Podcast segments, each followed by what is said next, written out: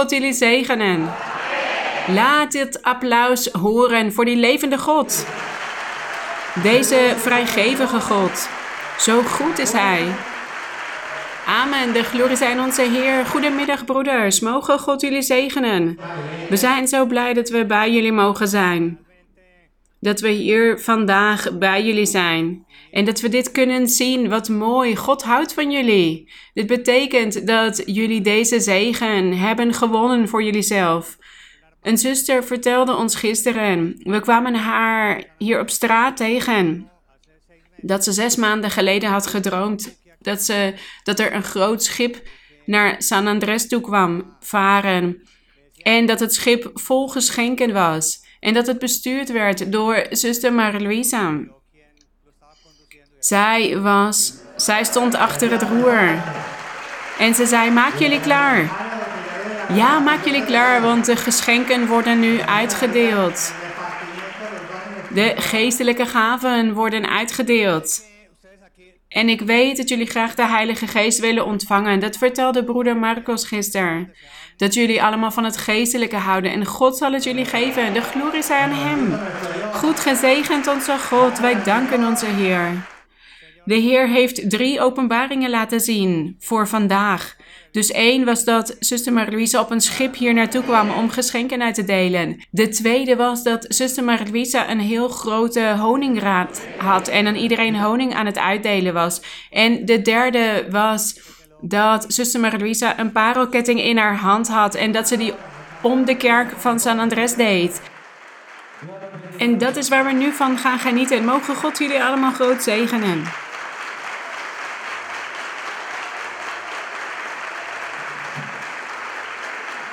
Dank jullie wel. Een hele goede middag, broeders, zusters. Hier van San Andrés, dit eiland hier in Colombia. En welkom iedereen die hier op bezoek is. U kunt allemaal plaatsnemen. Laten we snel in Psalm 100 gaan lezen. Ik weet niet of jullie wisten dat het vandaag een Bijbelstudie zou zijn, dus jullie mogen jullie vragen stellen vandaag. Ik hoop dat jullie vragen klaar hebben, voorbereid, want daar zullen we van groeien. Psalm 100. Vers 1. Juich voor de Heere, heel de aarde. Dien de Heere met blijdschap. Kom voor zijn aangezicht met vrolijk gezang. Deze versen moeten in onze ziel, in ons hart opgeslagen worden. We moeten dit altijd overdenken. God nodigt iedereen uit om Hem te loven. Alle mensen. Hier staat met blijdschap, met vrolijk gezang. We moeten ook de Heer dienen, staat hier. Lees in jullie vers 3.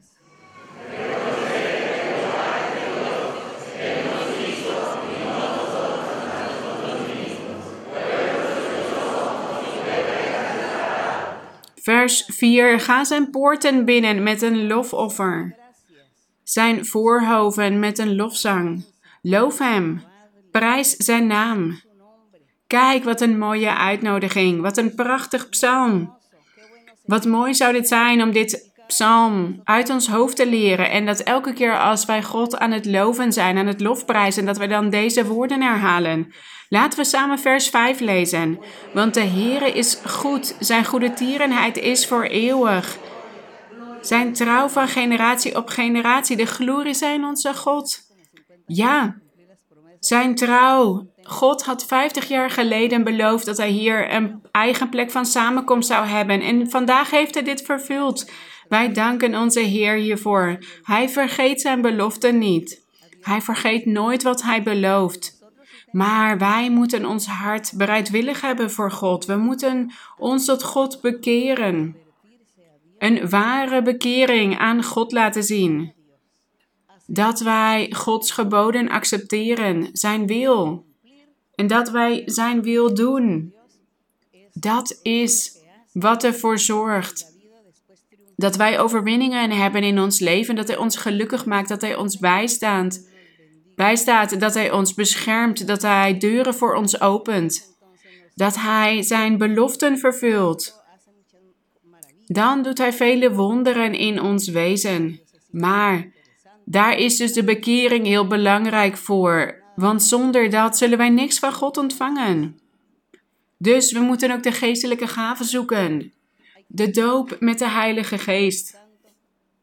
En toestaan dat God in ons hart komt wonen.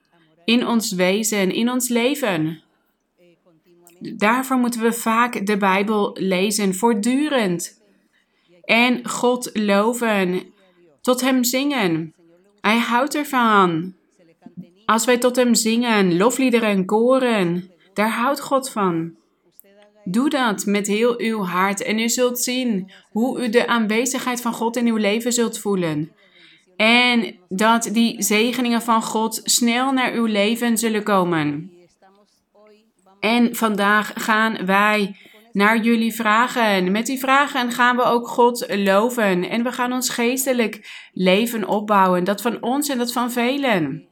Dus laten wij beginnen met een vraag van jullie. Deze video zal over de hele wereld gezien worden.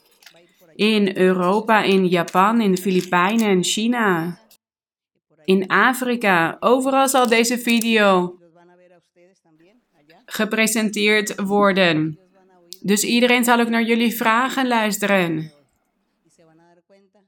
En ze zullen erachter komen dat jullie hier op San Andres ook van God houden. Hier op deze uithoek. Laten we verder gaan met de vragen van vandaag. Goedemiddag, zuster Marie-Louisa. Welkom hier op San Andres. Ik wil graag een vraag stellen over Judas.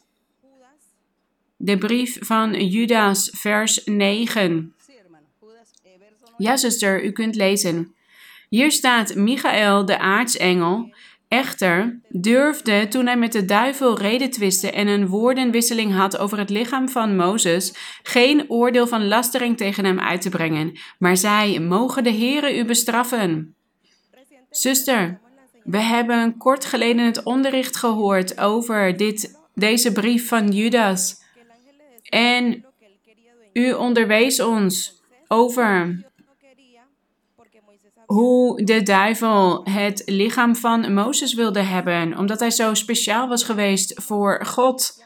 En we hebben op het nieuws gezien, kort geleden, dat er een leidster was van een bepaalde religie die vier jaar geleden was overleden en dat ze haar lichaam, haar botten, haar resten hebben opgegraven en dat haar lichaam niet was ontbonden, dat er geen ontbinding was geweest. Dat was op het nieuws. Is het waar?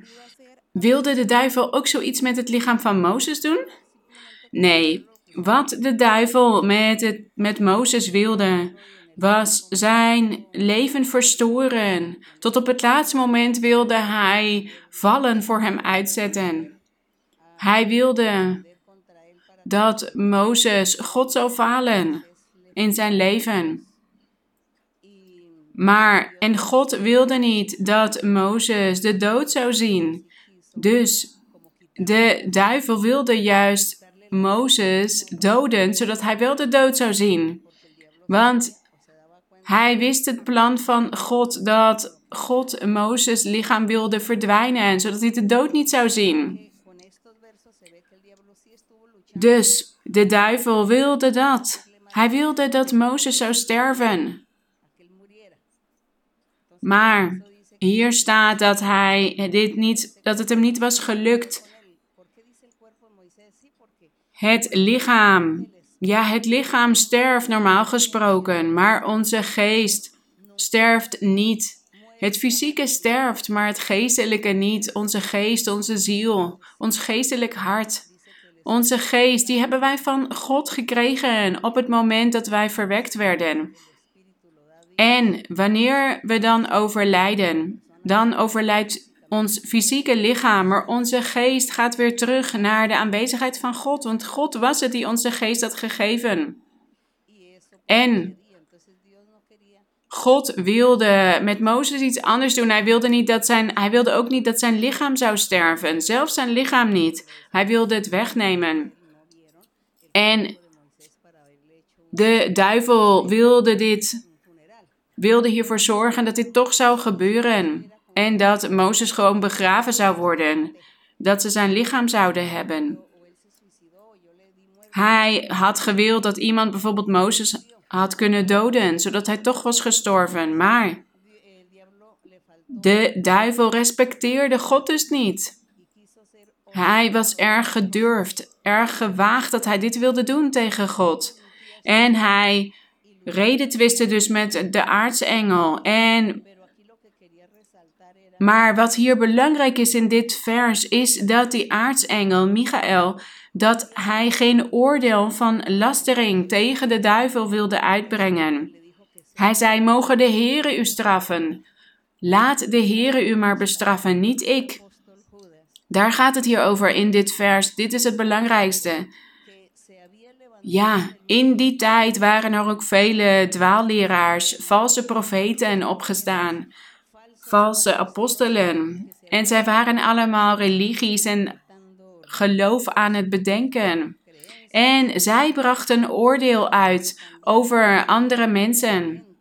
Zij oordeelden over vele andere mensen, maar hier liet deze aartsengel zien dat wij als mensen niet horen te oordelen, dat dat voor God is. En God is het dus die ook deze dwaalleraars en valse apostelen over hen heeft geoordeeld. En we hebben hier dus ook gezien hoe de duivel Mozes toch wilde laten sterven om dat fysieke lichaam van Mozes te kunnen hebben, om te kunnen zeggen: Ik heb Mozes gedood. God wilde iets anders met hem doen, maar ik heb hem kunnen doden. Dat is wat de duivel wilde, maar het is hem niet gelukt, want de aartsengel Michael had met hem gevochten, geredetwist over het lichaam van Mozes. En de aartsengel had dus gezegd: Mogen de Heere u bestraffen? De Heere zal u hiervoor straffen. Dat was deze strijd hier om het lichaam van Mozes. Het ging dus over het fysieke lichaam. De duivel wilde dit hebben, zodat Mozes de dood zou zien. Maar hij heeft de dood niet gezien, Mozes, want God heeft hem weggenomen. Goed, laten we verder gaan. Goedemiddag, zuster. Mogen God u zegenen. Het is voor ons een hele grote zegen. Niet alleen de opening van vandaag van deze kerk, maar ook dat u hier bij ons bent. Ik heb een vraag over de Bijbel. Exodus 3, vers 1 tot en met 5. Hier staat Exodus 3, vers 1 tot en met 5. En Mozes hoede het kleinvee van zijn schoonvader Jethro, de priester van Midian. Hij dreef het kleinvee tot voorbij de woestijn en hij kwam bij de berg van God, de Horeb. En de engel van de Heere verscheen hem in een vuurvlam uit het midden van een doornstruik. Hij keek toe en zei, en zie, de doornstruik brandde in het vuur, maar de doornstruik werd niet verteerd. Mozes zei, laat ik nu naar dat indrukwekkende verschijnsel gaan kijken, waarom de doornstruik niet verbrandt. Toen de Heere zag dat hij ging kijken, riep God tot hem uit het midden van de doornstruik en zei, Mozes, Mozes. Hij zei, zie, hier ben ik. En hij zei, kom hier niet dichterbij. Doe uw schoenen van uw voeten, want de plaats waarop u staat is heilige grond. En zuster, in Jeremia 2, vers 25 gaat het over dat ze niet barrevoets moesten gaan, dus zonder schoenen. Verhinder uw voet barrevoets te gaan en verhinder uw kiel de dorst. En in Efeze hoofdstuk 6 gaat het over het schoeisel, dat we schoeisel aan moeten hebben. Dat we goed gekleed moeten gaan. Dus we weten dat Exodus, dat het over die tijd gaat van Mozes. Maar waarom moest hij dan zijn schoenen uittrekken? Omdat het heilige grond was. En in Jeremia wordt er gezegd dat we er voor ons moesten behoeden om barrevoets te gaan. Goed, zuster Jeremia, welk hoofdstuk heeft het over? Jeremia 2:25. Oké, hier gaat het over de zonde, over het kwaad van het volk van Israël. Jeremia 2, vers 23 bijvoorbeeld. Hier is de Heer het volk aan het vermanen bij monden van Jeremia, omdat ze aan het zondigen waren. Hier staat in vers 23 bijvoorbeeld. Hoe kunt u dan zeggen: Ik heb mij niet verontreinigd, ik ben niet achter de Baals aangegaan?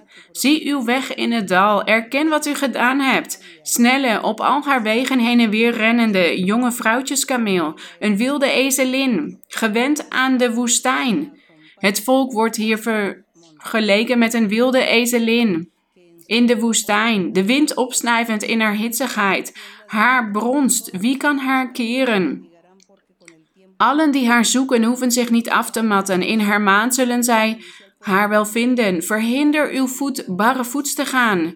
En verhinder uw keel de dorst. De dorst, hij zei hier, jullie moeten niet in zonde gaan. Waarom zouden jullie moeten lijden? Waarom zouden jullie dorst moeten lijden? Want als jullie de wil van God doen, dan zullen jullie alles hebben. Maar zij waren aan het zondigen, ze hadden zich verontreinigd met de zonden van alle volken om hen heen. En daarom hadden ze dorst en daarom gingen ze barrevoets, zonder schoenen en zonder schoeisel, zonder eten, zonder drinken. En hier staat verder, maar u zegt, daar is geen hoop op. Nee, want ik heb vreemden lief en ik zal achter hen aangaan. Dat is wat het volk deed. Ik heb vreemden lief. Ja, dat waren die afgoden. Ze hadden die afgoden van andere volken lief gehad en daarom leden zij zoveel gebrek, daarom hadden ze honger, dorst en daarom gebeurden hen, hen zoveel dingen. God had dat gedaan, want dit was een straf vanwege hun zonde. En hij zei dus: Nee, jullie moeten niet barrevoets gaan, jullie moeten schoenen aan hebben. Maar dat is heel, in, heel anders. Dat is iets heel anders dan waar het ging over Mozes. Want bij die doornstruik, daar was God zich aan het openbaren. En toen Mozes dichterbij wilde komen, zei God tegen hem: tegen hem Doe je schoenen uit. Want ik ben me hier aan het openbaren. Met je schoenen zal je deze heilige grond verontreinigen. Dit was iets heel anders. Dit was iets heel anders dan in Jeremia. In Jeremia ging het over die zonde en over die afgoderij. En in Exodus ging het dus over dat God zich aan het openbaren was en dat de grond heilig was en dat daarom Mozes zijn schoenen uit moest doen. Hij moest eerbiedig zijn. Hij moest zich reinigen. Eigenlijk in die tijd moesten mensen zich wassen en van kleding veranderen. Ze moesten zich omkleden als er een feest voor God zou zijn. Als er iets voor God zou worden gedaan, moesten zij zich helemaal reinigen. Op een fysieke manier. Ze moesten zich wassen en reinigen en schone kleren aantrekken. En in de tijd van Mozes, als God een wonder deed in de woestijn, dan moest Mozes het volk ook heiligen, reinigen voor dat het wonder zou gebeuren. Dus toen bijvoorbeeld God water uit de rots liet komen in de woestijn, had Mozes het volk niet opgedragen om zich te wassen, om zich om te kleden, om klaar te zijn, om gereinigd te zijn, geheiligd. En daarom had God Mozes daarvoor gestraft. En Mozes was moe geworden van het volk dat zoveel zondigde, maar hij had het toch moeten doen. Dus dat was die reiniging in die tijd, die heiliging. Dat was op een fysieke manier. En daarom had Mozes, moest Mozes dus ook zijn schoenen uitdoen.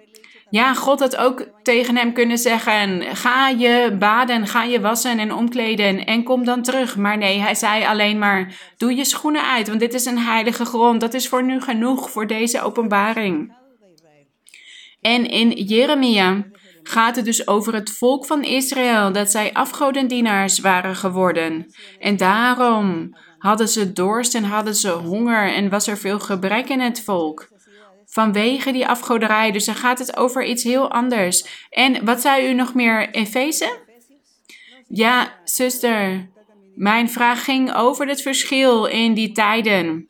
Ja, uw vraag is erg interessant om hier naar te kijken. Waar gaat het over in Efeze?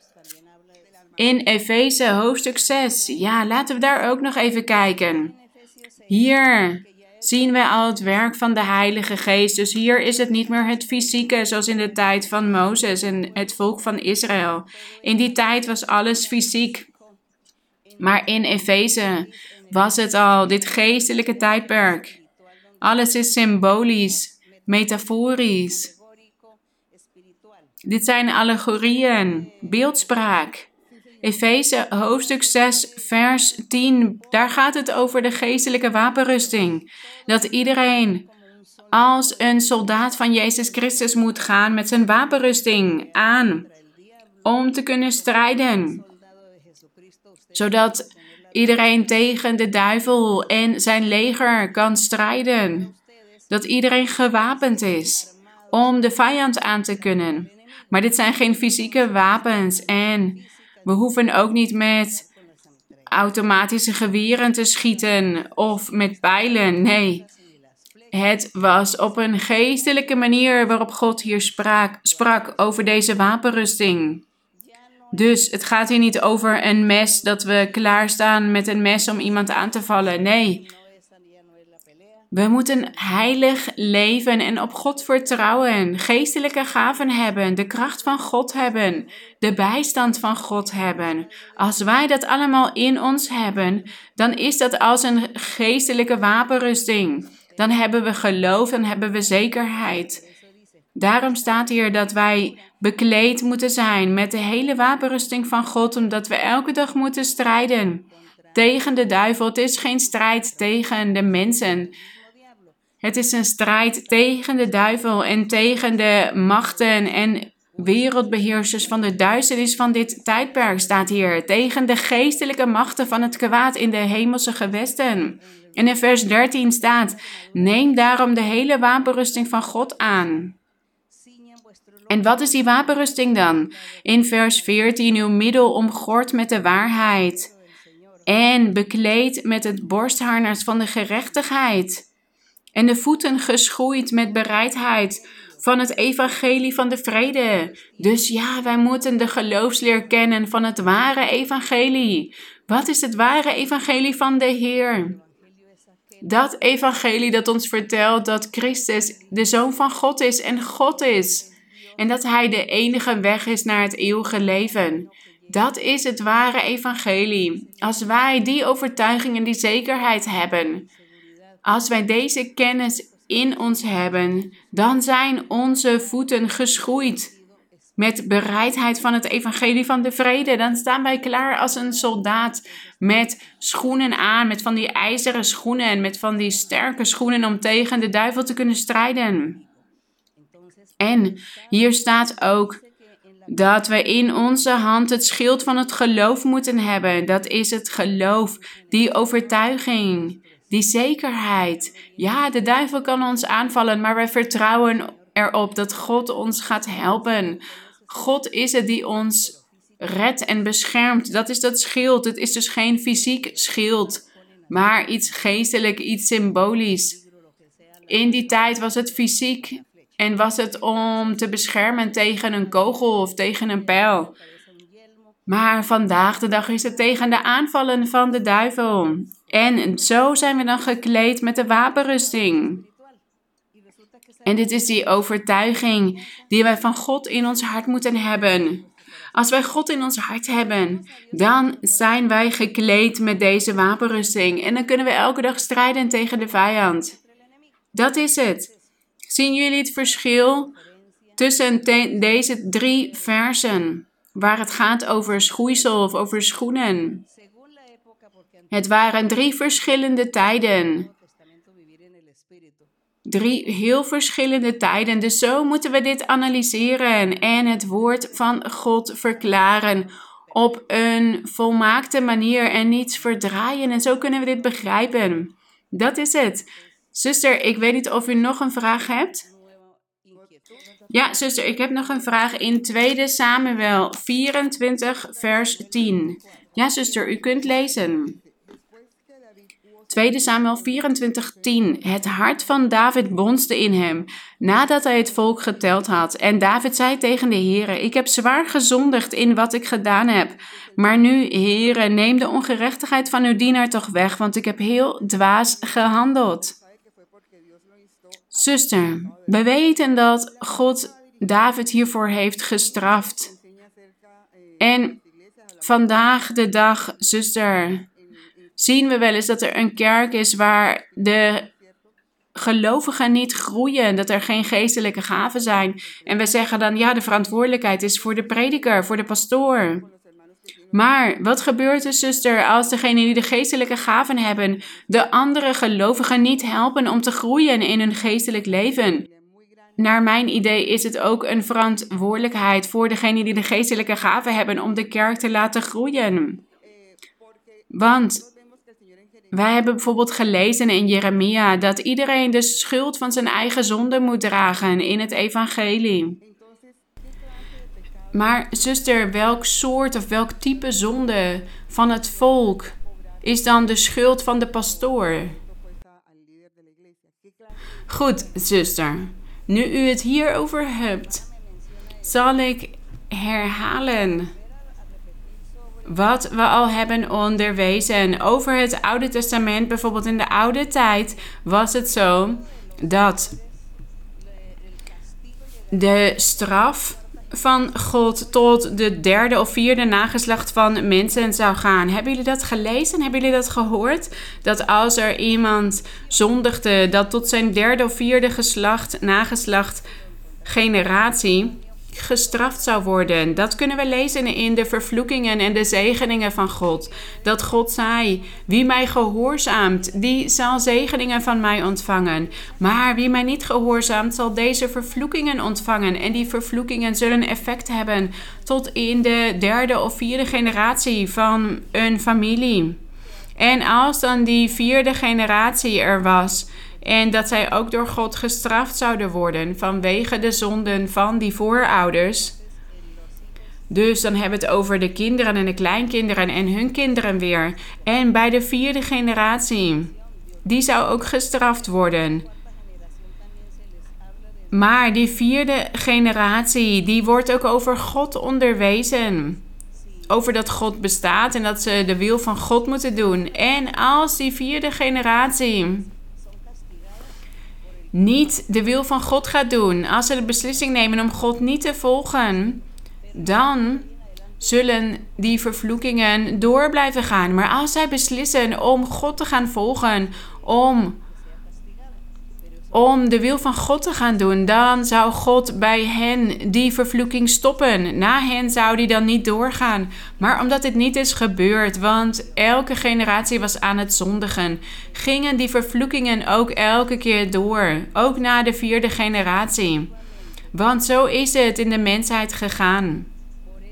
Er is altijd zonde geweest. En daarom zijn er ook altijd die vervloekingen geweest. Die gaan door van de een op de andere generatie. Want geen, enkel vierde geen enkele vierde generatie heeft die beslissing genomen om God te gaan volgen en om de wil van God te gaan doen. Dus kort geleden heb ik onderwezen in een Bijbelstudie dat wij ook nog vandaag de dag hieronder lijden. Wanneer wij God leren kennen of leerden kennen, hebben wij de kerk leren kennen ook nog met veel vervloekingen in ons van onze voorouders. Maar wat heeft God gedaan? God heeft onze last verlicht. Hij heeft dingen weggenomen of andere dingen laten inslapen in ons, dat we er geen last meer van hebben. Hij heeft ons gereinigd, hij heeft ons bevrijd. En zo getuigen vele mensen. Ja, ik wilde mijn eigen leven afnemen voordat ik de kerk leerde kennen. En nu ben ik gelukkig, want God heeft mij heeft vele dingen uit mij weggenomen. En de zuster zegt dus dat bijvoorbeeld in Jeremia dat er wordt gesproken over dat in het evangelie dat dat niet meer zou gelden en het vierde geslacht dat iedereen zijn eigen voor zijn eigen zonde moest boeten. Dus als de ouders zouden zondigen, dan zouden die ouders gestraft worden hiervoor en niet meer hun kinderen. En als alleen de kinderen zondigen, dan worden alleen de kinderen gestraft door God en niet hun ouders. Dus iedereen wordt gestraft voor wat hij doet in het evangelie van de Heer. Dus in het evangelie geldt dit niet meer dat, de, dat als wij vandaag de dag zouden zondigen, dat dan God zou straffen tot onze vierde generatie. Dat was hiervoor. Maar ja, voordat wij de Heer leerden kennen, hadden wij wel die zonde van onze voorouders in ons, het gevolg daarvan.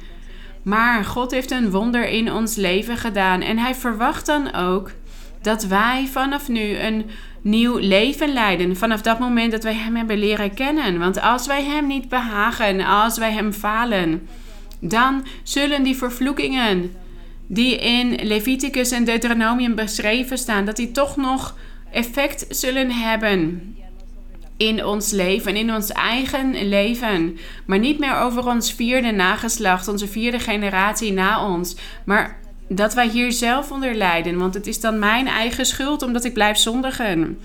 En de zuster vroeg dus dat als een kerk niet groeit, als de gelovigen niet groeien, of dit de schuld is van de pastoor. Nee. Iedere, ieder persoon is verantwoordelijk voor God.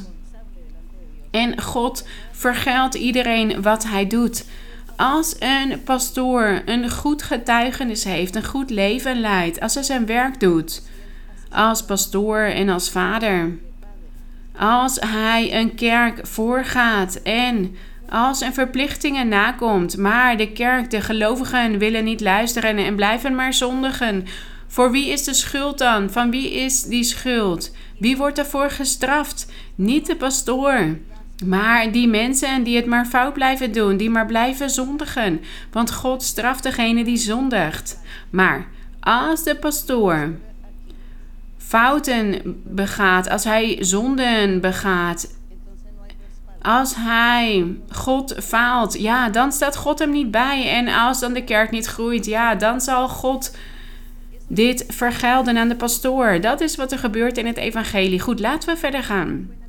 Goedemiddag, zuster Marie-Louisa. Ik heb een vraag. Een vraag eigenlijk van mijn dochter. Matthäus 17, vers 14. Hier staat. Matthäus 17, 14. En toen zij bij de menigte gekomen waren, kwam er iemand bij hem die voor hem op de knieën viel en zei: Heere, ontferm u over mijn zoon, want hij is maanziek en heeft veel te lijden, want dikwijls valt hij in het vuur en dikwijls in het water. En ik heb hem bij uw discipelen gebracht, maar zij konden hem niet genezen. Jezus antwoordde en zei: O ongelovig en ontaard geslacht, hoe lang zal ik nog bij u zijn? Hoe lang zal ik u nog verdragen? Breng hem hier bij mij. En Jezus bestrafte hem en de demon ging van hem uit. En het kind was vanaf dat moment genezen. Toen kwamen de discipelen bij Jezus en zeiden: toen zij alleen waren, waarom konden wij hem niet uitdrijven? Jezus zei tegen hem: Vanwege uw ongeloof. Want voorwaar, ik zeg u, als u een geloof had als een mosterdzaad, u zou tegen deze berg zeggen: Verplaats u van hier naar daar. En hij zou gaan en niets zou voor u onmogelijk zijn. Zuster, mijn vraag is: als ik geloof heb, maar ik heb de Heilige Geest nog niet ontvangen. Maar ik heb geloofd in God en ik heb vele dingen achter mij gelaten voor Hem. Maar de Heilige Geest woont nog niet in mijn hart. Kan ik dan toch demonen uitdrijven als een van mijn familieleden bezeten is? Alles kan, zuster. Eerst moeten we duidelijk hebben wat betekent het dat ik zeg ik heb geloof of ik geloof. Want hier had de Heer het over die ongelovigen. Waarom hadden zij maar weinig geloof? Zij vertrouwden er niet volledig op dat Jezus Christus God was. Dat Hij de gezant van God was. Zij twijfelden hieraan. Zal dit zo zijn? Is dit niet zo? Is Hij het wel? Omdat zij ook het volk hoorden spreken. De vijanden van de Heer, zij spraken kwaad en zeiden dat de Heer een leugenaar was, een bedrieger. En daardoor gingen ook zijn discipelen twijfelen. En die begonnen ook te zeggen: Zal hij het zijn of zal hij het niet zijn? Wij zien de wonderen. En ik, het is mooi wat hij ons onderwijst en wat hij doet, maar zij hadden niet die overtuiging, die zekerheid. En hier gaat het dus over die jongen die bezeten was door een kwade geest. De discipelen hadden niet die overtuiging gehad om hem te kunnen bevrijden daarvan. Ze hadden overtuigd moeten zijn dat Jezus uit Nazareth de zoon van God was. En dat als zij die demon zouden uitdrijven in de naam van de Heer Jezus uit Nazareth, dan zou dat gebeurd zijn. Dan zou die jongen bevrijd zijn geweest. Maar de discipelen twijfelden dus. Zij hadden niet die volledige overtuiging, die kracht die zekerheid. Ze vertrouwden niet volledig op hem. En vandaag de dag gebeurt dit ook. Velen overkomt dit. Dat, zoals de zuster zegt, ja, als wij een familielid hebben en die is door een demon bezeten, een kwade geest, die wordt gekweld. En als er dan niemand in de buurt is die de geestelijke gaven hebben, die de Heilige Geest hebben ontvangen, kan ik dit dan doen? Kan ik die persoon aan de handen opleggen? Ja, natuurlijk kan dit, want u gelooft in het evangelie. U gelooft in het woord van God. Toen God tot u sprak door profetie. En u hebt geloofd en u zegt: Ja, God is hier. God heeft tot mij gesproken. En ik wil in deze plek blijven. Ik wil hier blijven samenkomen. Want God zal mij zijn Heilige Geest geven en zijn geestelijke gaven. Maar op dit moment is er een familielid van mij en die heeft mij nodig. Ja, ik ga hem de handen opleggen, want God heeft mij beloofd dat hij mijn gebeden zal verhoren. Dus ik ga gewoon voor hem bidden en ik ga erop vertrouwen dat God hem gaat bevrijden. Maar als u zegt: nee, nee, nee, dat mag ik niet doen. Ik heb de Heilige Geest nog niet ontvangen en God zal niet naar mij luisteren. Maar als er iemand op dat moment bijna aan het overlijden is, hij is zo ziek en er is geen uitweg meer. Maar u hebt die overtuiging niet, dat geloof. U vertrouwt niet volledig op God en u zegt nee, het moet de pastoor zijn. Of een broeder of zuster van de kerk die al heel lang haar handen oplegt en voor mensen bidt. Ik niet. Nee, God zal dat gedrag niet goedkeuren van u. Hij wil dat u het dan zelf bent die dit gaat doen. Dat u zegt: Heer, wat ik heb gezien in de kerk is dat u zich openbaart en dat u naar onze gebeden luistert. En ik ga nu mijn handen opleggen, want deze persoon heeft u nodig. Wees barmhartig, ontfermt u zich over deze persoon, want de kracht is van u. En ik weet dat u bent en dat u zult zijn. Dus u zult hem ook bevrijden. En ik zal gewoon doorgaan en de geestelijke gaven zoeken. En de Heilige Geest en de geestelijke gaven zoeken en doorgaan. En als ik ondertussen iemand in een noodgeval de handen op moet leggen, dan doe ik dit. Want ja, dit gaat dan om een noodgeval. Dat kunnen we doen. Laten we dan niet wantrouwen. Laten we ons dan niet minder voelen. Laten we dan niet zeggen: nee, ik ben niks of ik ben niemand. Ik heb niks van God. Nee, als u geloofd hebt in de Heer en u houdt van God en u komt u naar de kerk toe, dan bent u een belangrijk persoon voor God. En God zal dan naar u luisteren. En God zal u op een moeilijk moment verhoren. Goed, laten we verder gaan. Zuster Maria-Louisa, deze dag is een heel speciale dag voor ons allemaal. Want vandaag vervult God ons zijn belofte. Dat wij van deze plek van samenkomst mogen gaan genieten. En niet alleen maar van deze plek van samenkomst, maar ook dat u vandaag bij ons bent. Hier in op San Andres en er zijn ook broeders van Providencia en Santa Catalina. Wij houden van u, zuster. En wij danken u dat u ons onderwijst hoe wij van God moeten houden. Zuster, ik heb twee vragen over de Bijbel. Jacobus hoofdstuk 1. Jacobus hoofdstuk 1, vers 23 en 24. Als iemand immers een hoorder van het woord is en geen dader, lijkt hij op een man die het gezicht waarmee hij geboren is in een spiegel kijkt, bekijkt. Want hij heeft zichzelf bekeken, is weggegaan en is meteen vergeten hoe hij eruit zag. Zuster, mijn vraag is: Ik weet dat u ons dit hoofdstuk al hebt onderwezen, maar ik begrijp het nog steeds niet goed. Waarom hier staat dat die persoon zich bekijkt, maar weggaat en vergeet hoe hij eruit zag. Goed. In vers, laten we vanaf vers 21 lezen. Jacobus 1:21 Leg daarom af alle vuilheid. Dit zijn raadgevingen voor de kerk, voor de gemeente, voor de gelovigen. Leg daarom af alle vuilheid en elke uitwas van slechtheid.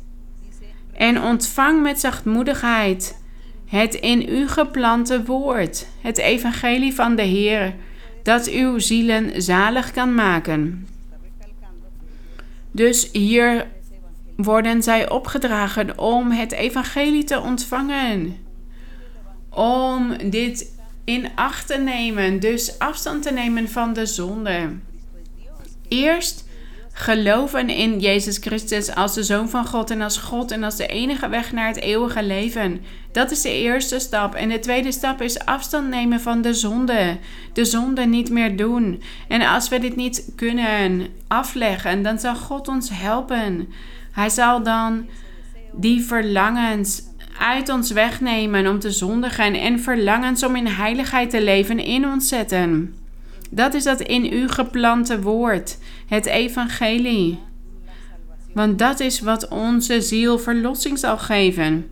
Vers 22. En wees daders van het woord. Dit is wat de apostel zei tegen de gelovigen. Jullie moeten de wil van God doen. Dus niet alleen maar zeggen: Ja, ik geloof. Ja, ik geloof. Ja, dit is zo. Ik geloof in God. God openbaart zich in de kerk. Ja. Nee. We moeten het ook doen. We moeten daders zijn van het woord. En niet alleen hoorders, staat hier. Anders bedriegt u uzelf. Als iemand immers een hoorder van het woord is en geen dader, dus hij brengt niet in praktijk wat hij leert. Hij luistert er alleen maar naar dat we dit niet mogen doen of dat niet mogen doen, of dat we niet jaloers mogen zijn of hebzuchtig. Maar als wij alleen maar naar luisteren en het niet doen, als wij dit toch blijven voelen, als wij toch jaloers blijven of woedend, boosaardig, dan zijn wij als een persoon die zich in een spiegel bekijkt. Hier staat, hij bekijkt zich in een spiegel. Maar als hij dan weggaat van die spiegel, dan vergeet hij hoe hij eruit zag. Hij vergeet dan hoe zijn gezicht eruit zag. Zo is ook de persoon die bijvoorbeeld hoort: ja, we moeten geen kwaad doen, we moeten niet jaloers zijn, we moeten niet liegen.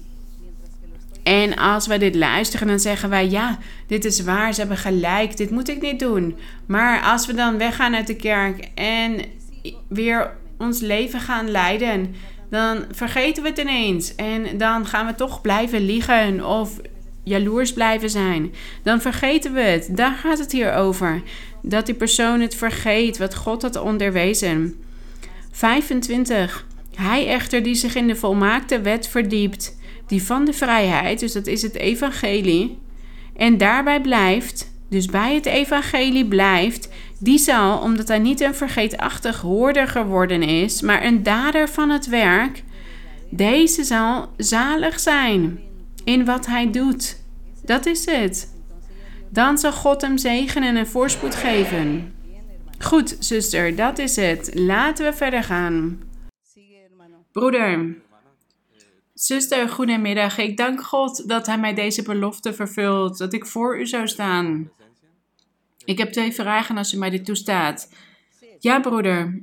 Amos, hoofdstuk 9. De profeet Amos na Daniel. Hoofdstuk 9, vers 11. Hier staat: Op die dag zal ik oprichten de vervallen hut van David. Zijn schuren zal ik dichtmaken, en wat aan hem is afgebroken, zal ik oprichten. Ik zal hem opbouwen als in de dagen van oude tijden af. En mijn vraag gaat over de eerstgeborenen. Kain, de eerstgeborene van Abel, heeft God gefaald en Esau, de eerstgeborene van Jacob ook. En het volk van Israël zouden we ook als eerstgeborene van God kunnen zien. En ze hebben ook God gefaald. En nu is er een ander volk, het volk van God. Zuster, is het moeilijker voor de eerstgeborene om de zegeningen van God te verkrijgen? Goed, dit is allemaal al gebeurd. De eerstgeborene, dat was voor de oude tijd. Wie was de laatste eerstgeborene? Onze Heer Jezus Christus. Onze Heer Jezus Christus. Hij is de eerstgeborene onder veel broers en zussen. Ja, zijn menselijke deel, het menselijke deel van de Heer Jezus Christus, was de eerstgeborene onder alle gelovigen in het evangelie van de Heer Jezus Christus. Dus, in andere woorden, wij zouden ons kunnen beschouwen als broers en zussen van die eerstgeborene, van Jezus uit Nazareth. In het vlees, niet in zijn goddelijkheid, maar in het vlees. Want hij is ook een gewoon mens geweest, een lichaam op aarde. Maar hij had ook zijn goddelijkheid, de zoon van God en God zelf. Dat is iets anders dan zijn vleeselijk deel, zijn lichaam, dat Jezus uit Nazareth werd genoemd. En met dat menselijke deel was hij de eerstgeborene van alle gelovigen. De kerk is gevormd uit een lichaam. Het, heeft, het heeft een lichaam en een hoofd.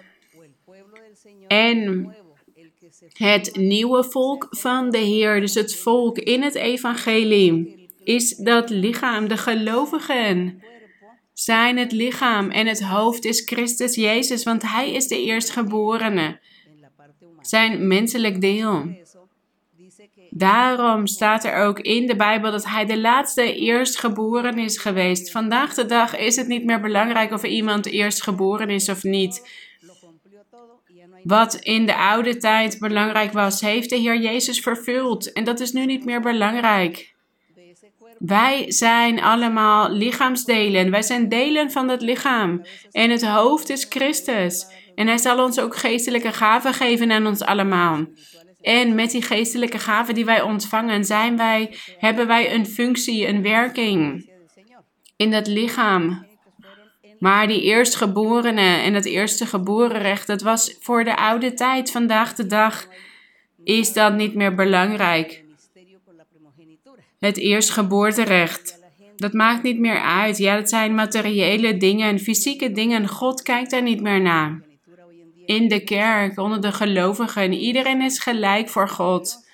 Degene die meer naar God zoekt, is meer voor God. En degene die heiliger leeft, is meer voor God. Dat is wat er vandaag gebeurt.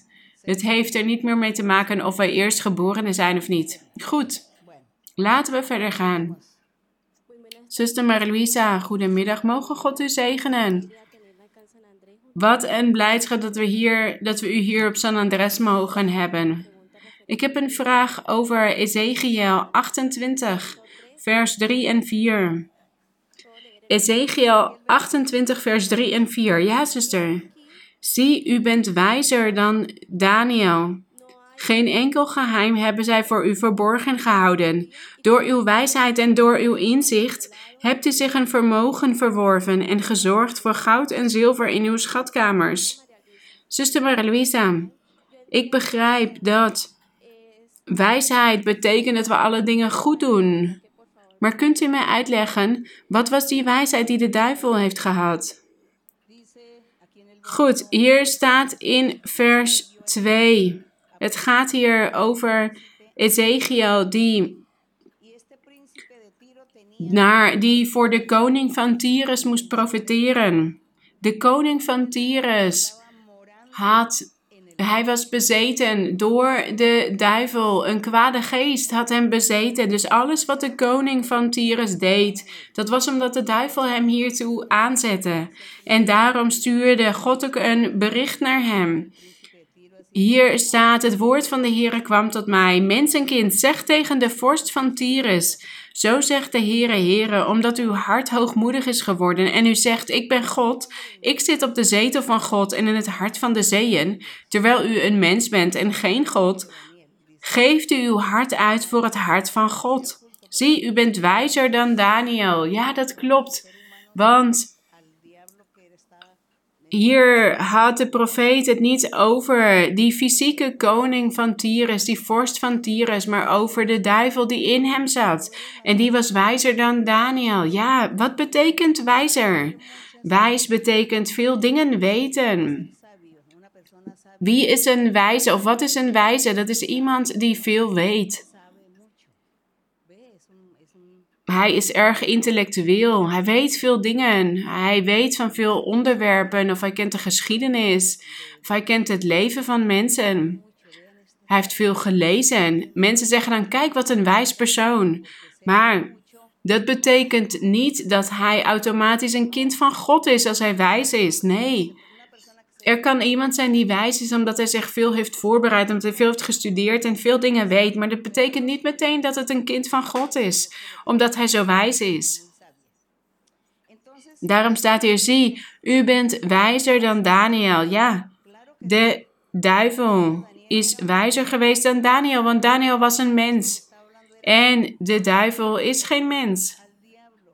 Ja, logisch. De duivel is wijzer geweest dan Daniel, want hij is een geest, dus hij kan overal zijn. Hij kan op elk moment van de ene kant naar de andere kant gaan. Het is een geest. Dus ja, hij is wijzer dan Daniel. Hij kent het leven van mensen en hij kent de roddels, de belevenissen van degene die overspel pleegden, van degene die het kwaad deden. Hij kende het leven van al die mensen in die tijd.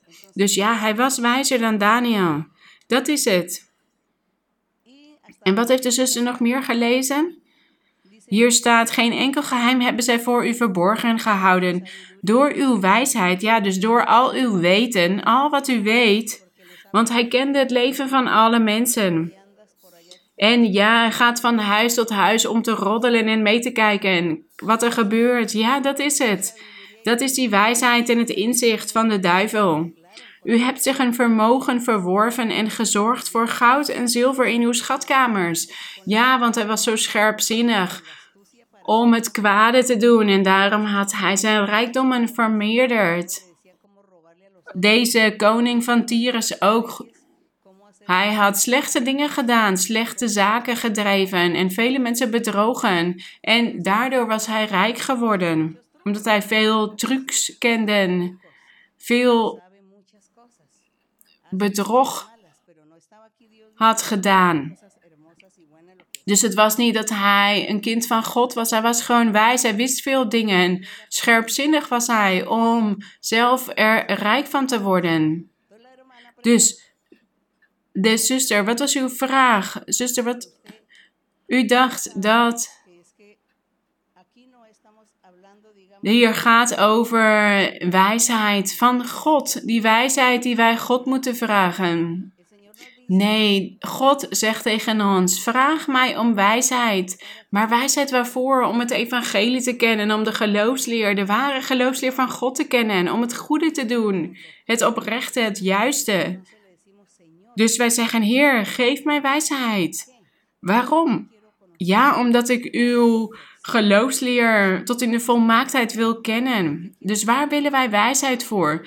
Nou, Heer, ik heb een bedrijf en ik vraag u om wijsheid, zodat ik mijn bedrijf goed kan beheren. Dat niemand mij bedriegt, dat mijn bedrijf niet failliet gaat. Hoe kan ik omgaan met mijn werknemers?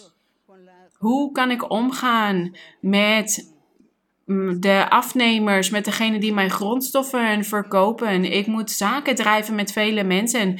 Aan wie moet ik verkopen? Van wie moet ik kopen? Help mij, geef mij wijsheid. Dat is het, dat is ook wijsheid. Dus wijsheid voor wat? Als wij God om wijsheid vragen, dan moeten wij vragen om een specifieke wijsheid. Wijsheid waarvoor? Dus bijvoorbeeld, ja, ik wil wijsheid ontvangen om de geloofsleer van God te kunnen begrijpen. Om te weten hoe ik mij moet gedragen als gelovige of als pastoor. Of dat ik kan onderwijzen, dat ik weet hoe ik mij moet gedragen, dat ik anderen kan begeleiden in een geestelijk leven. En Heer, geef mij hier wijsheid voor. Dat is het. Dus ja, de duivel was wijs, maar voor wat? Waarvoor had hij die wijsheid? Voor het slechte, voor het kwade. Hij weet veel dingen, ja. De grote wijze. Maar alles voor het slechte, voor het kwade. Dus het is kennis hebben. Wijsheid is kennis hebben over iets, kennis van iets. Maar wij willen dus die wijsheid voor het goede.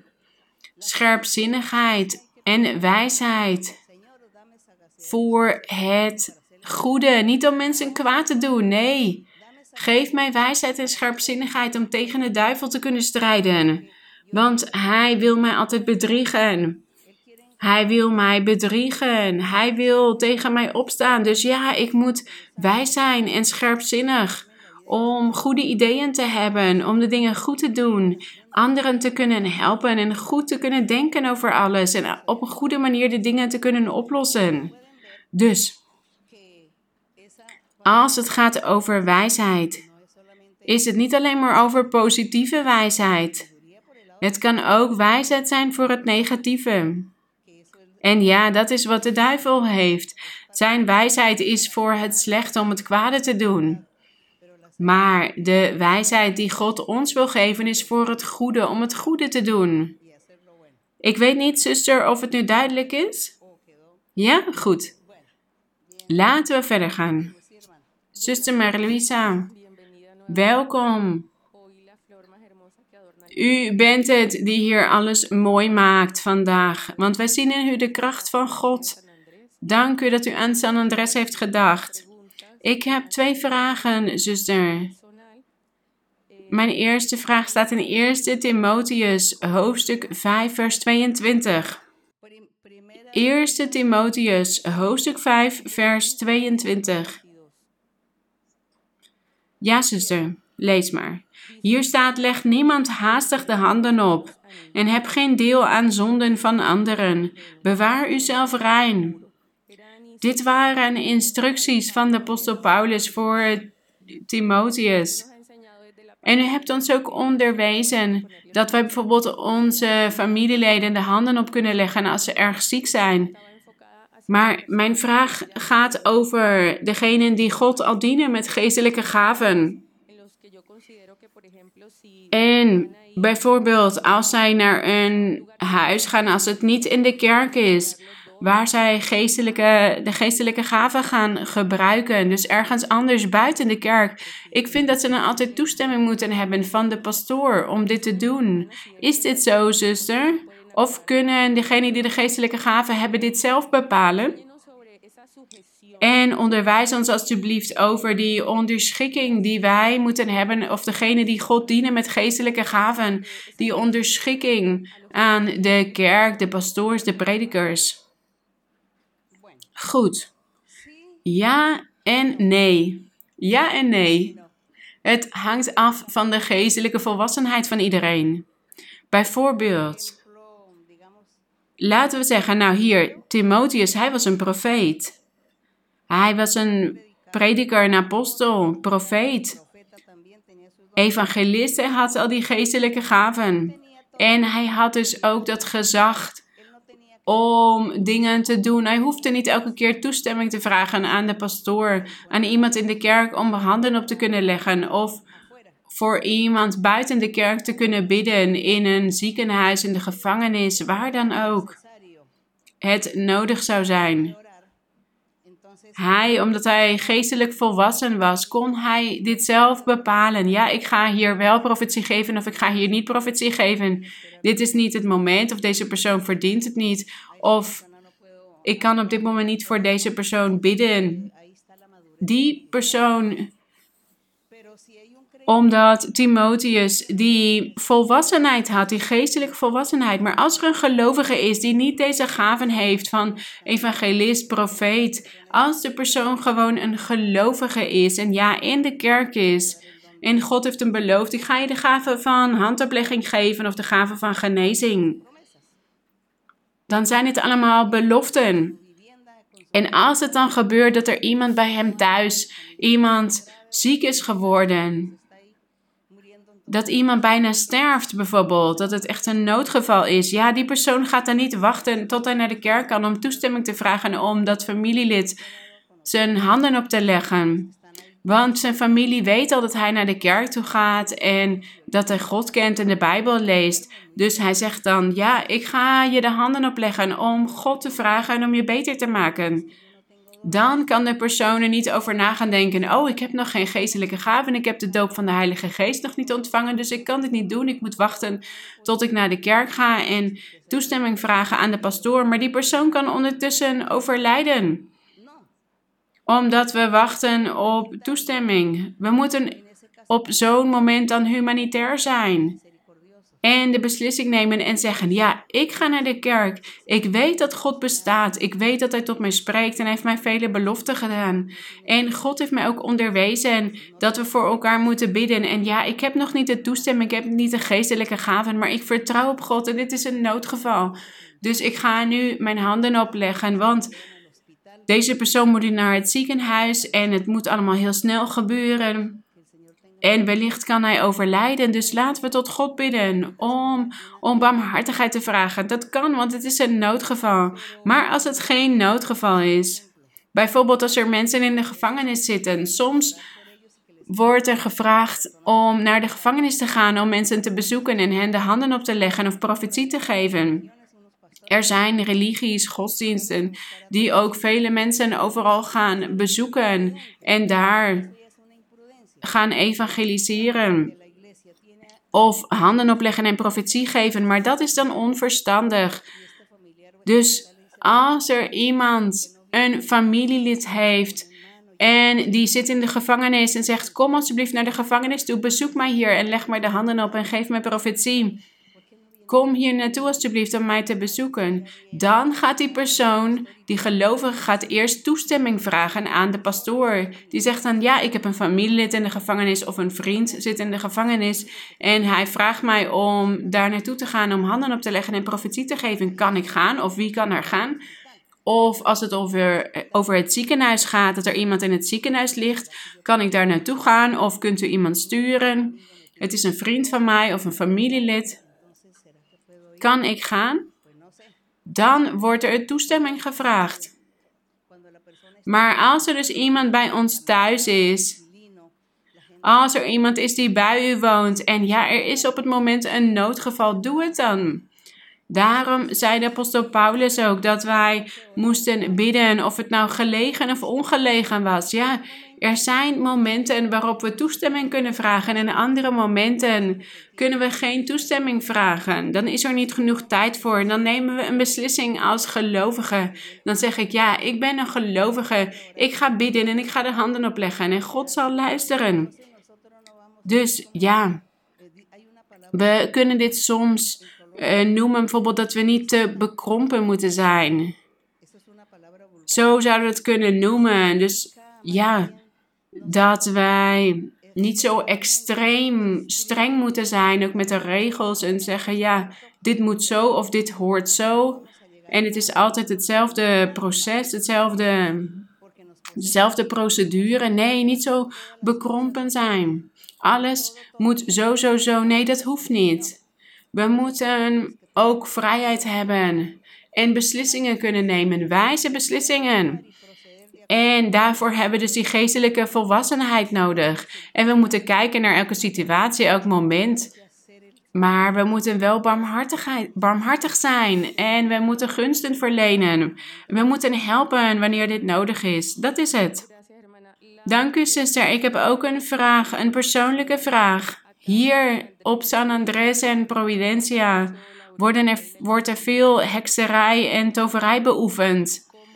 En we zien hoe families worden vernietigd, hoe vele mensen ziek worden of zelfs doodgaan. En dat ze psychisch, dat andere psychisch niet meer in orde zijn. Zuster, ik wil graag dat u ons onderwijst of ons herinnert wat die voorwaarden zijn om de gave om hekserij weg te nemen en te ontvangen van God. En hoe horen wij tot God te bidden? Om Gods hart te bewegen, zodat Hij hekserij hekserijen wegneemt als wij dit bij iemand ontdekken. Goed, laten we op God vertrouwen. Laten we van God houden. We moeten allemaal van God houden. En we moeten erop vertrouwen dat God bij ons allemaal is. Dat is de eerste stap. Dat we zeggen: Ik ga naar de kerk. Ik vertrouw erop dat God bij mij is en dat Hij mij bijstaat. Dus ik heb een familielid of een buurman, een buurvrouw, een vriend, een bekende. En ik weet dat hij lijdt onder hekserijen of toverijen. Wat is mijn plicht dan? Ik moet die persoon vertellen over God en zeggen: Ja, u lijdt. Ik nodig u uit naar de kerk van God, zodat God tot u kan spreken. Kom, ga een keer met me mee. We nodigen die persoon dan uit. Maar als er bijvoorbeeld een persoon is die op bed ligt en niet meer kan opstaan vanwege die hekserij. Ja, dan kunnen we niet zeggen: kom mee naar de kerk, want die persoon kan niet eens meer lopen. Dan vertrouw ik op de Heer en dan zeg ik: ja, ik ben een gelovige, maar. En wellicht heb ik nog geen geestelijke gaven, maar God heeft mij belofte gedaan en ik vertrouw erop dat Hij me gaat helpen. Dus ik ga voor deze persoon bidden, want hij ligt op bed en hij kan niets meer. En zo zijn er veel mensen die zeggen: ja, mensen hebben, anderen hebben hekserij of toven, tovenarijen over mij uitgesproken. En ik leid nu hieronder of daaronder. Dus ja, dan zeggen we: kom mee naar de kerk. Ik nodig u uit naar de kerk. En als dus iemand niet meer naar de kerk kan gaan, leg dan uw handen op. Maar evangeliseer altijd. Ja, en als die persoon die zelf op bed ligt het niet meer kan begrijpen, niet bij zijn gezonde verstand is, evangeliseer dan zijn familieleden, mensen om hem heen en zeggen: Gaan jullie dan naar de kerk? En jullie zullen zien dat God deze persoon dan zal genezen of bevrijden van die hekserijen. En wanneer ze dan naar de kerk toe komen, geef hen dan profetie. En Wanneer God in profetie spreekt over dat er over iemand hekserij of tovenarij is uitgesproken, wees er dan niet bang voor. Laat, zeg dan niet, oh God heeft tegen mij gezegd dat er hekserij of tovenarij over mij is uitgesproken. Nee, nu ga ik ziek worden en ik ga in bed belanden en ik ga, nee, wij zijn met God. Mensen kunnen hekserijen of tovenarijen over ons uitspreken, maar als ik met God leef, dan zal dit geen effect hebben in mijn leven. Dan zal ik hier niet onder lijden, omdat de Heer bij mij is. Want ik ga bidden en ik ga God vragen om barmhartigheid. En ik ga dan bidden en zeggen: Heer, bescherm mij tegen deze hekserijen en tovenarijen. Sta niet toe dat de duivel mij dit kwaad doet, want er is mij verteld dat iemand hekserij over mij uitspreekt, op mij beoefent. Help mij, vergeef mij. Ja, en u moet dan ook de zonde afleggen, want als u door blijft zondigen, dan zal die hekserij effect hebben op uw leven. Maar als u vrij bent van zonde en u komt naar de kerk en u bidt tot God, dan zal die hekserij geen effect hebben op uw leven. Dan zal God u beschermen. En Evangeliseer dus mensen ook om die mensen heen en nodig iedereen uit om naar de kerk toe te komen. Nodig iedereen uit om God te zoeken, want dat is de enige manier om vrijheid te krijgen van deze hekserijen en tovenarijen. Zo moeten we omgaan met deze dingen, maar laten we dus erop vertrouwen dat als wij hier in de kerk zijn en als wij goed leven voor God. Dat wij voor andere mensen kunnen bidden en dat wij God kunnen vragen om iemand anders gelukkig te maken of te bevrijden of te helpen, te genezen. En als iemand ons dan om handoplegging vraagt, dan zeggen wij: Ja, ik leg u mijn handen op en ik ga voor u bidden. Maar kom ook zelf naar de kerk en lees de Bijbel en doe moeite voor God, zodat God u gaat, volledig gaat bevrijden en genezen. En dan is het de verantwoordelijkheid van die personen zelf of ze naar de kerk gaan komen of niet, of ze God gaan zoeken of niet. Maar onze verantwoordelijkheid, onze taak is dat we op God vertrouwen en voor mensen gaan bidden. En mensen evangeliseren. Maar we moeten dus niet bang zijn dat die hekserij invloed gaat hebben op ons leven als wij goed leven. Zuster, en de voorwaarden, de vereisten om die gave te ontvangen, de gave om hekserij weg te nemen. Ja, zuster, die vereisten om die gave van God te mogen ontvangen. Niet zondigen. Dat is het eerste. Dat wij niet zondigen. Er zijn mensen die onder epilepsie lijden of Down-syndroom. Dit zijn allemaal geesten, kwade geesten. Wat moeten wij daarvoor doen om die mensen te kunnen bevrijden? Wij mogen niet in zonde leven. Als wij in zonde leven, dan zal God ons niet bijstaan. Dus we moeten afstand nemen van de zonde. En altijd dicht bij God zijn, zodat God ons bijstaat. Dus het is niet zozeer dat God ons alle gaven moet geven, maar dat God ons bijstaat als wij tot Hem bidden. Daar gaat het om. Goed. Zuster, ik heb een vraag. In Efeze hoofdstuk 3, vers 9 en 10. Efeze hoofdstuk 3, vers 9 en 10. Efeze 3, 9 en 10. Ja, zuster, en allen te verlichten, opdat zij mogen begrijpen wat de gemeenschap aan het geheimenis inhoudt, dat door de eeuwen heen verborgen is geweest in God, die alle dingen geschapen heeft door Jezus Christus opdat nu door de gemeente aan de overheden en de machten in de hemelse gewesten de veelvuldige wijsheid van God bekendgemaakt zou worden. En zuster, in Efeze hoofdstuk 6, vers 12 staat ook.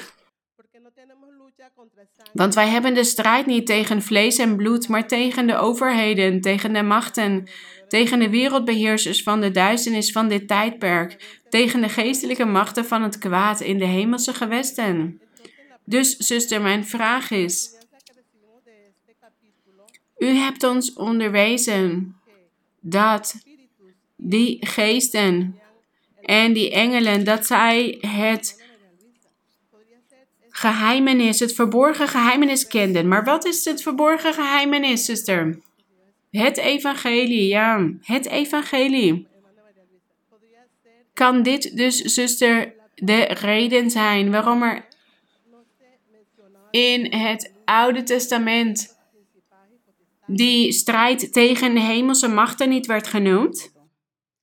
In het Oude Testament was alles fysiek.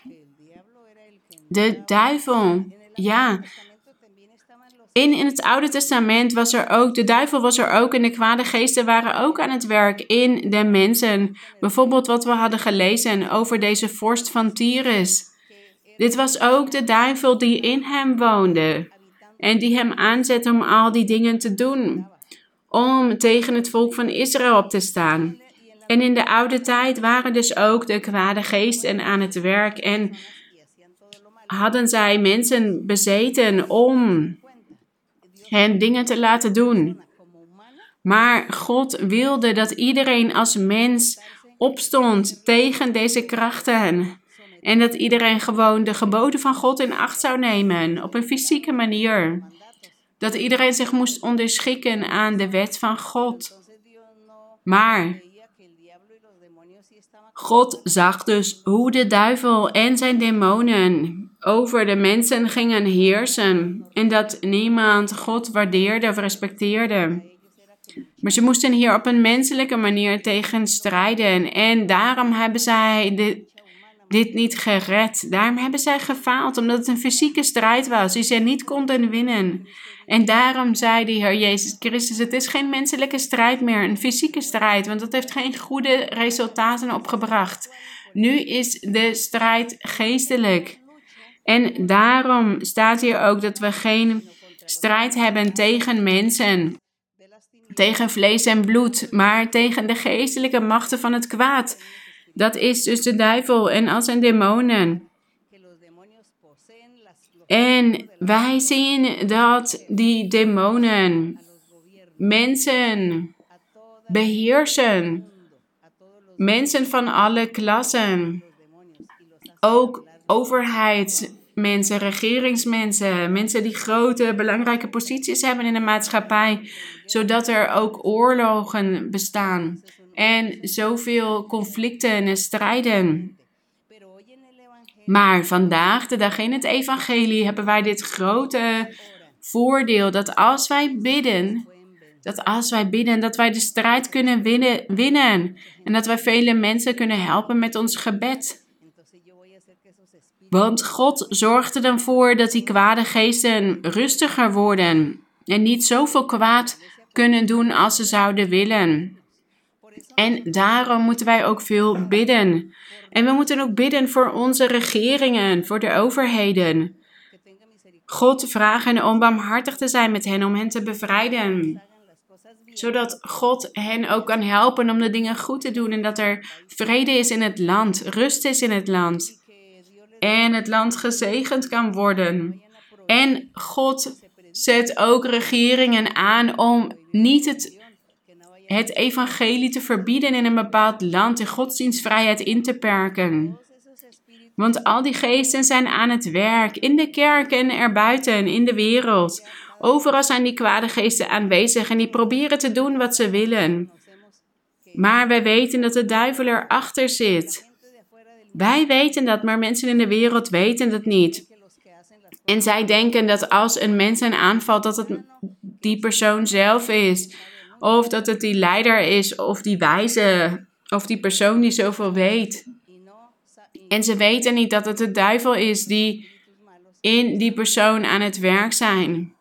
Dat ze bezeten zijn door kwade geesten. Dat is de strijd die wij vandaag de dag kennen. Vandaag is het geestelijk. De strijd is geestelijk. Dus God zegt tegen ons dat we niet meer tegen mensen strijden, maar tegen de demonen, tegen kwade geesten.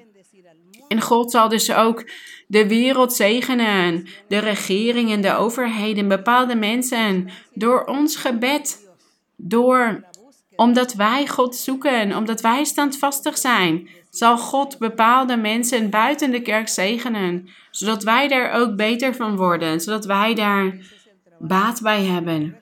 Dat is ook ons werk. Dus ja, als u iemand ziet die woedend is op u en die u bedreigt, denk dan niet dat het die persoon zelf is. Zeg dan, dit zijn die demonen die in die persoon wonen. Dit is de duivel die over hem heerst. Wat ga ik doen? Ik kan beter geduldig zijn. Laat ik mijn mond houden. Laat ik God vragen om mij te helpen zodat die persoon niet tegen mij op gaat staan en al die slechte dingen doet. Want ik weet dat het de duivel is die die persoon aan het gebruiken is. Dat is het. Goed, broeders. Dit is een heel uitgebreid onderwerp. En ja, ik zou hier heel veel tijd voor nodig hebben om dit allemaal goed uit te kunnen leggen. Maar ik denk dat met wat we vandaag hebben behandeld, dat we het kunnen begrijpen. Goed. Zuster Maria goedemiddag. In het boek Belevenissen onderwijst u ons dat, het, dat de politieke beweging Mira door God is bedacht.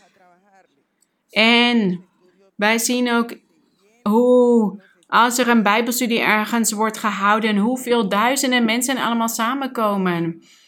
En de politieke partij Mira, dit is ook een project van God.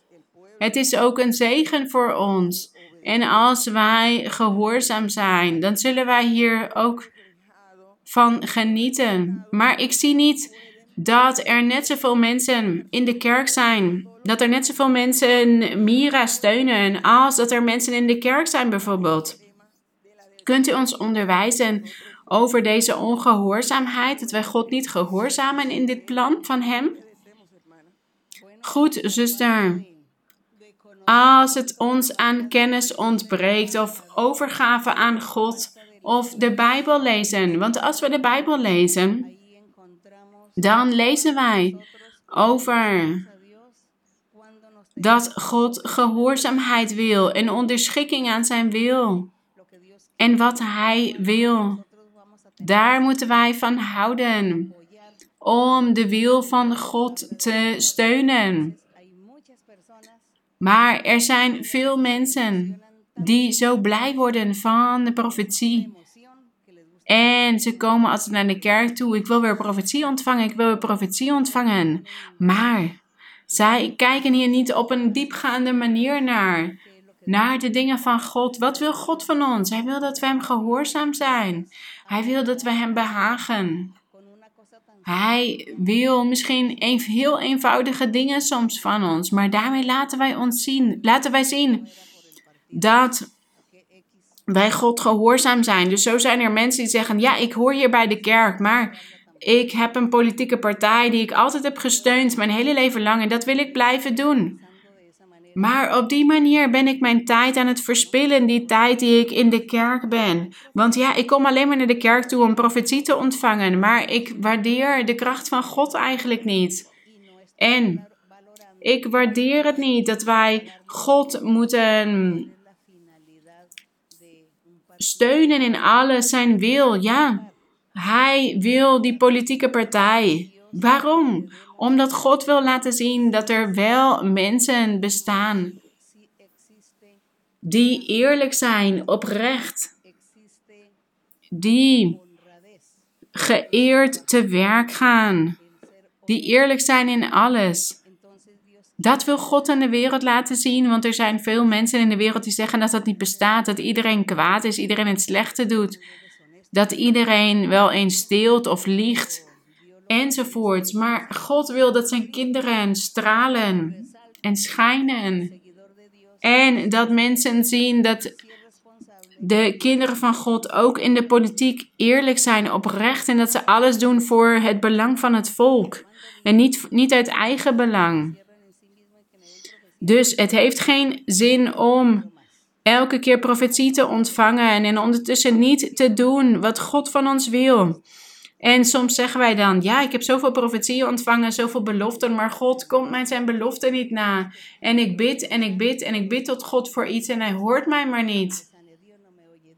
Waarom verhoort God ons gebed niet? Omdat wij alleen maar naar de kerk toe komen een profetie te ontvangen, zodat onze problemen opgelost worden. Maar wij willen niet echt die kennis van God leren, zodat we God in alles kunnen behagen, zelfs in de allerkleinste dingen.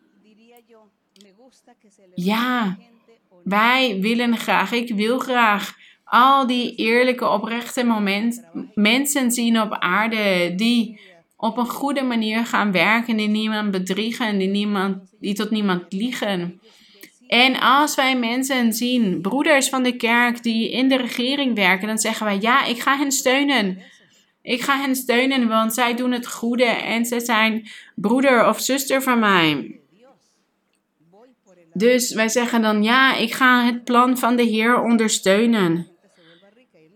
De Heer belooft ons geen rijkdommen op die manier, om in de politiek te gaan, om er rijk van te worden. Nee, God wil dat wij op een goede manier omgaan met alle middelen van een land, met alles wat er in een land bestaat, zodat niemand honger hoeft te lijden, zodat niemand gebrek hoeft te lijden. Met God is alles rechtvaardigheid, rechtschapenheid, maar daarvoor moeten wij Hem wel steunen in Zijn plannen. En zo kunnen we laten zien dat eerlijkheid bestaat en oprechtheid. En dat er mensen bestaan die meer naar het belang van een ander aan het zoeken zijn dan naar hun eigen belang. En God zal dit horen.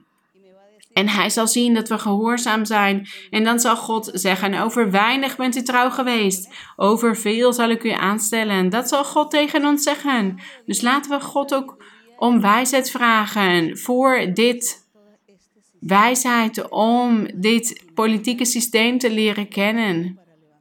En om anderen te laten zien dat God bestaat. Want ja, God doet vele wonderen en vele genezingen. Dit doet Hij, zodat mensen geloven dat Hij bestaat. En Hij wil dus ook dat zijn kinderen laten zien dat het mogelijk is om de dingen op een oprechte, wijze manier te doen. Zonder op eigen belang uit te zijn. Zodat mensen zeggen: er zijn goede mensen op aarde. Er zijn wel goede mensen op aarde. Dat is wat we moeten begrijpen van de dingen van God. En God behagen in alles. Want wij willen misschien onszelf sneller behagen dan God behagen in alles. Maar wij horen God te behagen in alles. Dus laten we bidden en laten we God vragen om iedereen te laten begrijpen wat het doel is van elk ding, van elke situatie. Wat wil God hiermee? Hij wil soms materiële dingen bijstaan, fysieke dingen wat ook uit de overheid wordt gevraagd. Maar dit is allemaal omdat er eerlijke mensen nodig zijn op aarde. Mensen die weten hoe ze moeten regeren op een eerlijke manier. Wij zien dit vandaag de dag wellicht niet. Maar we zien dat iedereen naar zijn eigen belang zoekt. Ze willen op de hoogste plek zitten, maar verder maakt het hen allemaal niets uit. Dus ja, het volk heeft honger of dorst, het volk moet stof eten of woont onder een boom. Dat maakt er niet uit, maar dat is dus wat God wil. God wil dat goede mensen regeren en dat een volk niet hoeft te lijden, dat een land niet hoeft te lijden, dat er genoeg eten is en genoeg drinken voor iedereen. Maar daarvoor moet men, moeten mensen God leren kennen. En daarom wil God dat wij Hem bekendmaken aan de wereld. Ja, dus God wil op dit moment één land zegenen. En op dit moment is die politieke partij alleen in Colombia aan het werk. En er zijn vele zegeningen geweest voor Colombia vanwege het werk van die partij.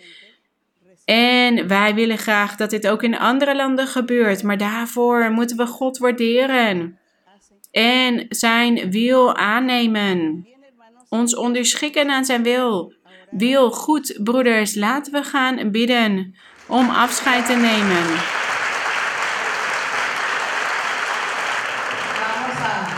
Dank jullie wel. Laten we gaan bidden tot onze God. Laten we God vragen om de Heilige Geest te sturen, geestelijke gaven en veel wijsheid om zoveel dingen te kunnen begrijpen. Niet alleen de geloofsleer van de Heer, maar ook wat God van ons wil. Wat God wil en dat wij ook zijn wil bijstaan, zijn wil steunen. Dat wij steunen wat Hij wil, dat wij dit doen met kennis, met veel kennis. En op die manier zal God ons ook helpen. Welke persoon dan ook die twijfelt of die het er niet mee eens is, bid tot de Heer. En vraag God om het u te openbaren. En dan zult u zien dat God het u gaat openbaren. En dat Hij het u gaat laten zien zoals de dingen horen te zijn. Dus maak er zich geen zorgen. Daar hebben wij God voor. Hij onderwijst ons.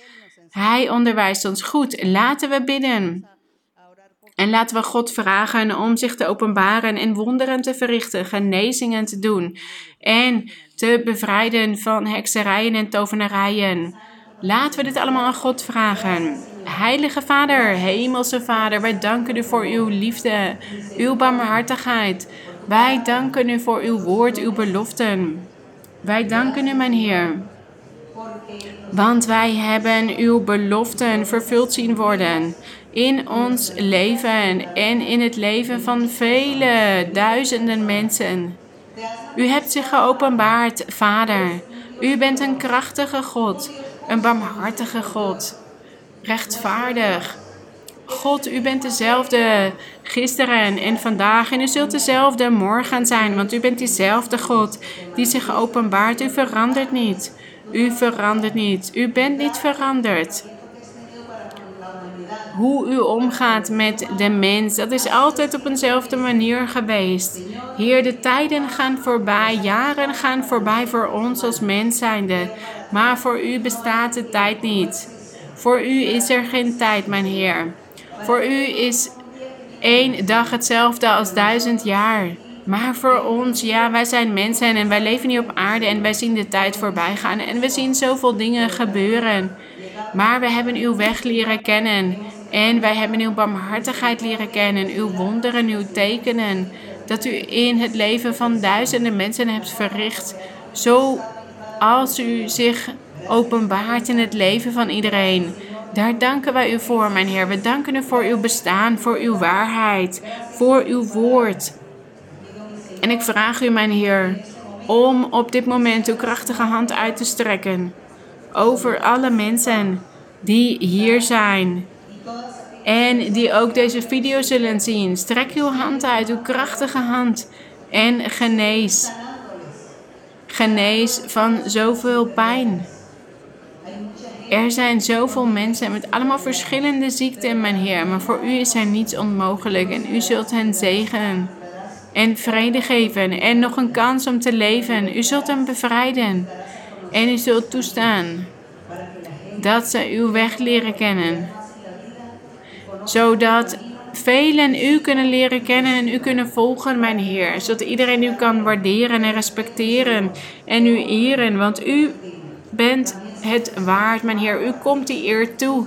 En er zijn ook velen, mijn Heer, die lijden onder hekserijen, vervloekingen, tovenarijen. Neem dit weg, mijn Heer. Bestraf die onreine geesten en bevrijd al die mensen. Ik weet, mijn Heer, dat velen tot u aan het bidden zijn op dit moment en u om genezing vragen, om bevrijding. En zij hebben die hoop dat u hen zal verhoren, dat u hen zult bevrijden. Heilige Vader, in de luisterrijke naam van uw Zoon, de Heer Jezus Christus, vraag ik u, mijn Heer, om wonderen te verrichten. Om u zich te openbaren in elk leven, in elk hart. Neem twijfels weg. Neem boosheid weg. Woede, koppigheid, dwaasheid van sommigen. Bevrijd, mijn Heer, en geef vreugde en blijdschap. Heilige Vader, strek uw krachtige hand uit en stuur de, het vuur van uw Heilige Geest. Doop met uw Heilige Geest en geef geestelijke gaven, mijn Heer. En stuur ook veel kennis en kracht en bijstand. Bevrijd, mijn Heer. Wij danken u, Hemelse Vader, voor uw barmhartigheid, voor uw liefde. Wij danken u, mijn Vader, in de luisterrijke naam van uw Zoon, de Heer Jezus Christus. Wij vragen u dit allemaal. Wij vertrouwen op u. Wij wachten op u. Wij verwachten u en wij vertrouwen op uw beloften. Gezegend zij uw naam tot in alle eeuwigheid. Geprezen zij u tot in alle eeuwigheid. Geprezen zij uw naam verheerlijkt. Wij danken u, eeuwige God. Krachtig bent u. De lofprijzing zij aan u. De glorie zij aan u. U bent die krachtige God. Broeders, dank jullie wel. Geliefde broeders hier van dit eiland. En ook degenen die hier vandaag zijn gekomen van ver. Om ons te bezoeken. We gaan vandaag weg met veel enthousiasme in ons hart. En mogen de Heer ons wijsheid en kennis van zijn woord geven. En mogen Hij zijn, ons zijn geestelijke gaven geven en bijstand. Dat wanneer wij voor mensen bidden en als wij onze handen opleggen, dat de Heer ons bijstaat. En blijf zoeken naar de vervulling van de Heilige Geest van God.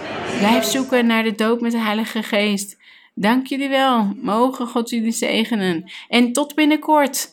Tot wanneer de Heer mij weer toestaat om weer bij jullie te zijn. Dank jullie wel. Dank jullie wel.